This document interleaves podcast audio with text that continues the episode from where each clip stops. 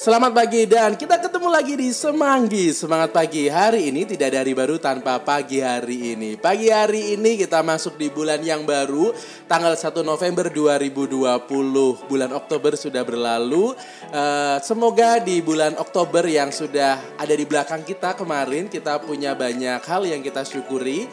Semoga ada banyak rejeki yang kita bisa nikmati dan kita terima. Semoga juga dalam pekerjaan, karir, kemudian cita-cita semua Semoga juga semuanya berjalan dengan baik.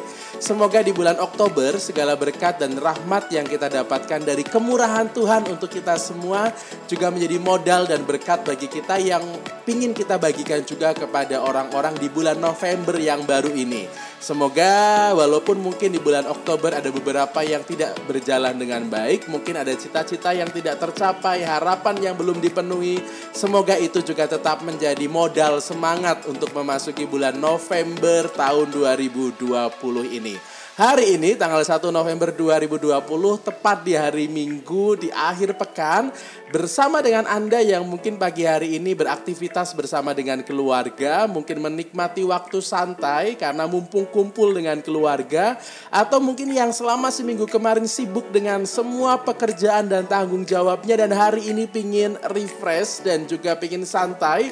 Semoga hari Minggu ini juga menjadi waktu bagi kita untuk charge energi supaya kita mengumpulkan energi baru untuk modal kita memasuki besok minggu yang baru juga. Hari ini semoga juga menjadi berkat bagi keluarga Anda semua di mana keluarga Anda bisa berkumpul. Semoga juga banyak hal bisa dilakukan bersama di dalam keluarga yang selama seminggu kemarin mungkin ditunggu-tunggu dan dinantikan bisa masak bersama, membereskan rumah bersama atau apa pun bersama-sama sambil cerita dan juga sharing banyak hal.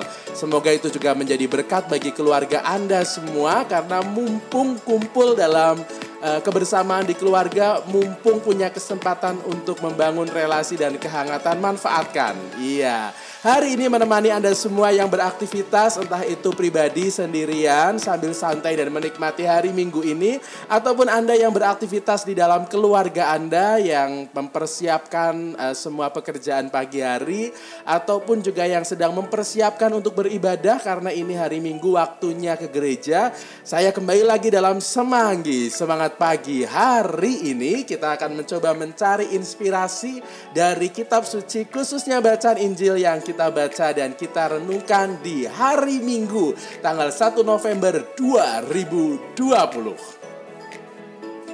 Iya, hari ini bacaan Injil yang kita baca adalah dari Injil Matius bab 5 ayat 1 sampai dengan 12. Untuk Anda semua yang pengen baca secara keseluruhan bacaan Injil hari ini, Anda bisa pause suara saya, lalu Anda buka kitab sucinya atau buka buku-buku renungannya atau Anda juga bisa buka handphone karena sekarang baca kitab suci bisa dari mana pun. Jadi silakan Anda baca Injil hari ini Matius bab 5 ayat 1 sampai 12. Semoga Anda sendiri juga bisa menemukan hal baik, inspirasi yang bisa jadi pegangan dan semangat untuk kegiatan hari ini.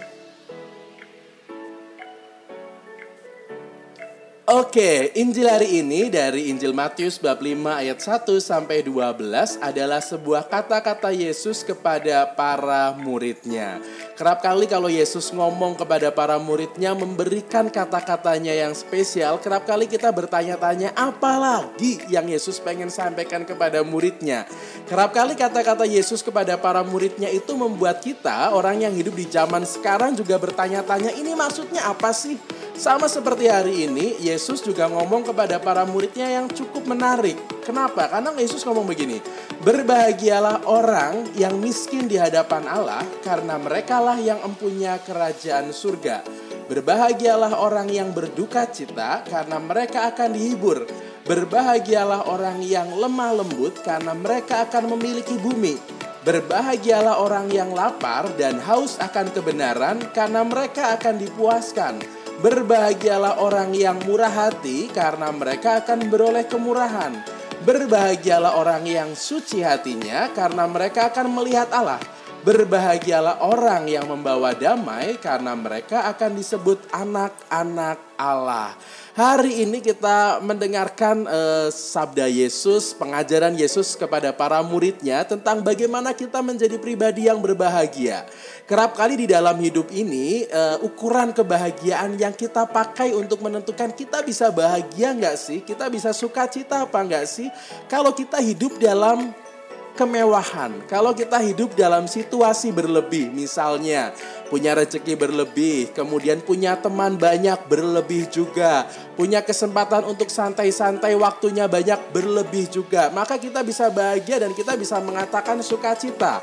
Tapi kalau dalam situasi yang nggak enak, misalnya kita dalam situasi sedih, duka, kemudian lagi nggak punya pekerjaan, mungkin rezekinya juga kok nggak banyak-banyak nggak datang-datang gitu ya, kita lalu mengatakan saya lagi hidup dalam situasi yang nggak bahagia nih hidup saya lagi sedih, lagi terpuruk dan lain sebagainya. Maka di saat Yesus hari ini mengatakan berbahagialah orang yang miskin, berbahagialah orang yang berduka cita, itu tuh nggak masuk di dalam ukuran kita sebagai manusia. Tapi kerap kali memang ukuran yang dipakai oleh manusia dengan ukuran yang dipakai oleh Tuhan itu agak berbeda. Maka pertanyaannya adalah apa sih maksudnya? Kok kita harus sedih? Kok kita harus miskin? Kok kita harus berduka cita supaya kita bisa mendapatkan kebahagiaan? Mungkin jawabannya adalah seperti ini. Di saat kita miskin, miskin apa pun gitu ya, miskin mungkin secara materi, miskin secara relasi dan lain lain sebagainya atau kita dalam situasi berduka cita karena dalam situasi atau alasan apa pun kita itu ada dalam situasi yang punya pengharapan. Saat kita miskin kita itu berharap ya Tuhan berikanlah aku kesempatan untuk bisa kaya. Atau di saat kita sedih kita punya pengharapan ya Tuhan berikanlah saya penghiburan dan lain sebagainya. Maka di saat kita dalam situasi terbatas, kita itu justru menjadi pribadi yang punya pengharapan. Dan pengharapan itulah yang membuat kita menjadi dekat dengan Tuhan. Karena kita dekat dengan Tuhan, maka kita mencoba untuk melakukan apa yang Tuhan sukai di dalam hidup ini. Kalau kita dalam situasi serba kecukupan, situasi semuanya ada dan semuanya berlebih, kerap kali kita tuh lupa kalau ada Tuhan yang harus kita andalkan di dalam hidup kita. Karena kita bisa melakukan semuanya sendiri, karena kita mampu, karena kita bisa, kadang-kadang kita merasa aku ini hebat. Aku ini luar biasa, saya bisa ini, saya bisa itu, saya punya bakat ini dan lain sebagainya. Justru di dalam situasi terbatas, di dalam situasi kita nggak bisa, di dalam situasi kita nggak punya, entah itu materi atau apa pun, di situlah kita akan datang dan menjadikan Tuhan sebagai satu-satunya atau salah satu atau mungkin menjadi rujukan di dalam pengharapan kita. Maka di dalam situasi pandemi ini, di dalam situasi di mana kita mungkin ada dalam situasi duka cita, dalam situasi miskin di mana kita hanya bisa ke mana-mana dalam situasi terbatas. Ada banyak aturan dan protokol, atau ada banyak orang yang mungkin juga terpengaruh dan juga terefek dari pandemi ini. Di situlah sebetulnya kita diajak untuk kembali kepada Tuhan dan berbahagia dengan pengharapan yang kita miliki. Saudari-saudara sekalian, hari ini hari Minggu, harinya Tuhan, harinya bersama dengan keluarga, juga semoga menjadi kesempatan bagi kita untuk sadar bahwa kita adalah manusia yang lemah, kita adalah manusia yang membutuhkan Tuhan, tapi kerap kali Tuhan itu juga hadir melalui orang-orang di sekitar kita. Maka bersyukurlah Anda yang hari ini beraktivitas bersama dengan keluarga, yang hari ini bisa kumpul dengan keluarga, mungkin di situlah sumber kebahagiaan Anda dan Tuhan hadir di situ memberikan kebahagiaannya. Jadi selamat hari Minggu, selamat beraktif, berakhir pekan, sekaligus juga selamat memasuki bulan yang baru di bulan November 2020 ini. Semoga segala yang baik, berkat, kemurahan, rejeki, kemudian kesuksesan ada bersama dengan Anda. Tapi jangan lupa itu adalah berkat dari Tuhan yang seharusnya juga menjadi modal dan dasar bagi kita untuk berbagi berkat dengan sesama. Terima kasih sudah mendengarkan Semanggi pagi hari ini. Selamat beraktivitas, selamat bersuka cita, selamat merasakan kemurahan Tuhan. Kita ketemu lagi besok. See you dan bye-bye. Semanggi, semangat pagi hari ini. Tidak ada hari baru tanpa pagi hari.